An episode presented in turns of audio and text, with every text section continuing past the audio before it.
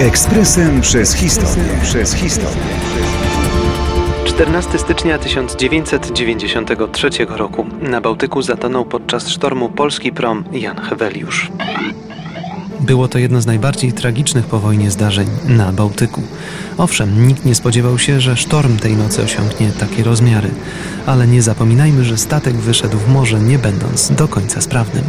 Kilka dni wcześniej doszło do uszkodzenia tzw. Tak furty rufowej. Armator nie tylko nie zgłosił tego faktu administracji morskiej, ale podjął decyzję o dokonywaniu napraw na raty przy okazji następnych cumowań.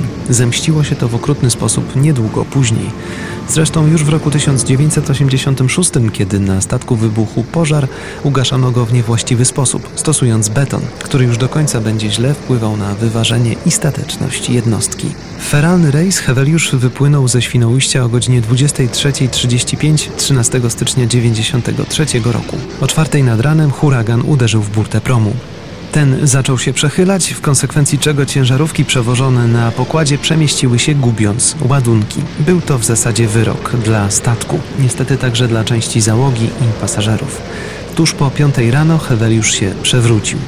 Katastrofie zginęło 55 osób, 20 marynarzy i 35 pasażerów. Uratowano zaledwie 9 marynarzy. Dowódca jednostki, kapitan Andrzej Ułasiewicz, także zginął. Większość pasażerów przeżyła sam moment katastrofy, ale przegrali w walce z dojmującym zimnem i falami.